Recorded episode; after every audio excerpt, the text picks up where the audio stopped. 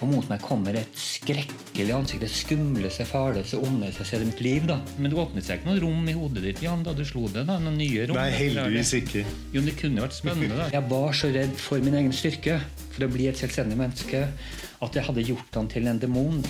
Tenk om noen bare kunne elske meg fordi at jeg var til. Det å legge seg på terapibenken er jo i stor grad det samme. Men Lars Ronny, jeg er veldig glad i deg bare for den du er. Du ofrer ditt gamle jeg for å få et nytt jeg. Nye Jan. Ja, ja, ja. Nye Jan. Ja, altså Et vertikalt vennskap Vi er har et ganske, det vertikalt er, jo- det er vennskap, ganske ja. sunt. Veldig sunt. Ja, ja, ja. Og vi, vi går, er jo vertikale nå. Ja. Det er faktisk mulig å bli glad i seg selv etter hvert. Og, og, Altså, du, og, du må leve ditt liv og ikke andres liv. Riktig. Eh, Dessverre er vel altfor lite av de der eh, horisontale vennskapene, da. Men det er eh, så ble du homofil.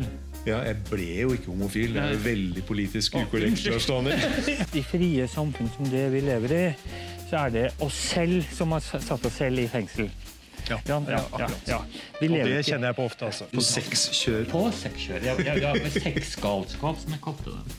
Og rakk over så mye som jeg klarte. Jeg har jo, ta, jeg har jo selv eh, eh, gått i terapi.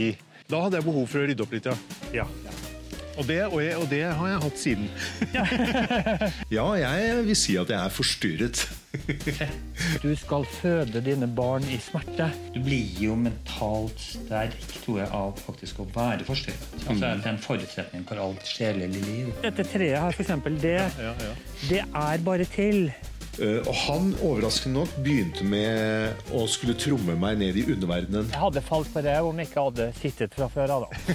Før han trommet, så tilbød han meg en hasjsigarett. Er nydelig.